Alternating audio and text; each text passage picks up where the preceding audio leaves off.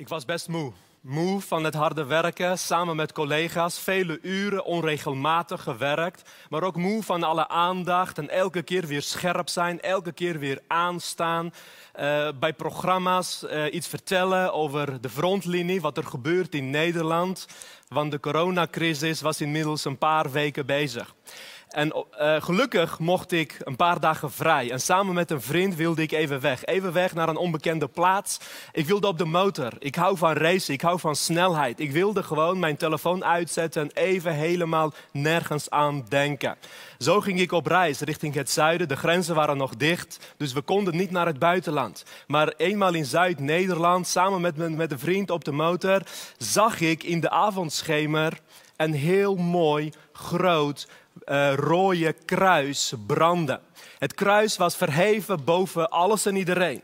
Uh, terwijl de duisternis over de stad begon te liggen, want het was donker, zag ik daar het kruis. En toen wist ik, ik wil en moet en zal naar het kruis gaan. Maar ja, we kenden de weg niet. We waren inmiddels in Valkenburg beland. Ik, ik kom daar nooit. Maar dat kruis was zo mooi dat ik dacht, ik wil erheen. Ik moet het zien. Uh, maar ja, hoe kom je daar? Je kan proberen te navigeren, maar nog beter is om je focus op het kruis te houden. Om te blijven kijken naar het kruis en te zeggen: Ik ga rijden en ik blijf kijken naar het kruis. Vroeg of laat ga ik daar komen. Dus zo gezegd, zo gedaan. We gingen uh, rijden en ons focus op het kruis houden. Het gekke is dat de weg er naartoe niet rechtdoor was. We moesten allerlei bochten nemen en op een gegeven moment ging de weg juist van het kruis af. En we dachten even, gaat dit wel goed? Want het lijkt erop alsof het kruis achter ons ligt. Maar nee, soms moet je een weg nemen wat niet helemaal rechtdoor gaat, wat juist je verder weg lijkt te brengen. Zolang je maar je focus houdt op het kruis, zolang je maar weet waar je naartoe gaat.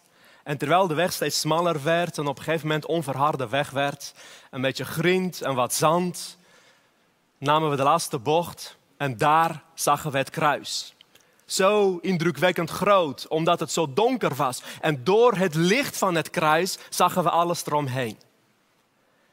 En het is zo'n mooie les wat ik toen leerde. en ik wil je graag meenemen in het avontuur van je focus houden op het kruis. Te midden van de duisternis. En een weg die soms met hele moeilijke bochten gaat.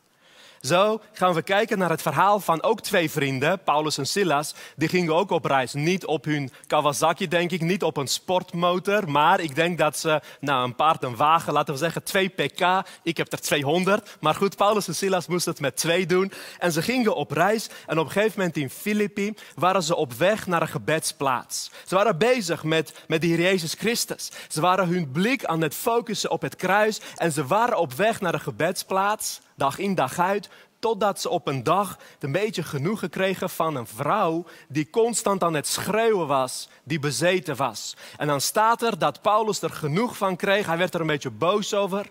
Hij zag een vrouw die bezeten was, een vrouw die aan het lijden was. En hij bevrijdde haar met zijn woord in de naam van Jezus Christus. En deze bevrijding zorgde ervoor dat Paulus en Silas in de gevangenis belanden. En dan gaan we lezen vanaf dat moment dat Paulus en Silas in de gevangenis zitten. Ik neem je mee naar Handelingen 16 vanaf vers 25. Om middernacht waren Paulus en Silas aan het bidden en zongen ze lofliederen voor God. De andere gevangenen luisterden aandachtig naar hen. Plotseling deed zich een hevig aardschok voor, zodat de gevangenis op haar grondvesten trilde. Alle deuren sprongen open en bij iedereen schoten de boeien los. Even tot zover. Terwijl Paulus en Silas bezig waren om hun geloof handen en voeten te geven op weg naar de gebedsplaats, zagen ze onderweg het lijden van deze vrouw, deze bezeten vrouw. En ik heb me afgevraagd, hoe vaak zie ik nog om me heen wat er gebeurt. Weet je, soms kunnen we zo gefocust zijn op eh, de dienst. Zo kunnen we zo gefocust zijn op waar we mee bezig zijn. En soms zelfs zo gefocust zijn op het kruis dat we niet meer zien wat er om ons heen gebeurt. Terwijl ik denk juist, als we door het licht van het kruis onze omgeving zien, dan kan het niet anders dan dat we ook gaan zien het lijden om ons heen. Dan kan het niet anders dat we bevrijding willen brengen op de plaats waar we komen. Een bevrijdend woord spreken. Spreken wat de waarheid is. En laten we eerlijk zijn. Weet je, ook ik in mijn werk, soms ik, ik zie dingen waarvan ik denk, yes, eigenlijk is dat niet goed, dat is niet van God. En toch accepteren we dat, zoals Paulus en Silas heel lang deden. Soms gaan er dagen voorbij dat ik niet spreek, het recht, dat ik niet spreek namens hen die geen stem meer hebben. Er gaan dagen voorbij dat we accepteren wat om ons heen gebeurt. Maar er moet een moment komen dat we door ons focus op het kruis ook gaan zien wat er in onze omgeving gebeurt. Maar vervolgens, als we bevrijding brengen, dan kan het zomaar zijn dat we in een gevangenis eindigen, dat mensen ons niet mogen, dat we mening over ons hebben, dat ze ons misschien wel iets aan willen doen. En als we dan in de gevangenis zitten, dan is de volgende stap bidden en aanbidden. Paulus en Silas lieten zich niet tegenhouden door de, door de, door de kettingen, door de, door de tralies, maar ze gingen bidden.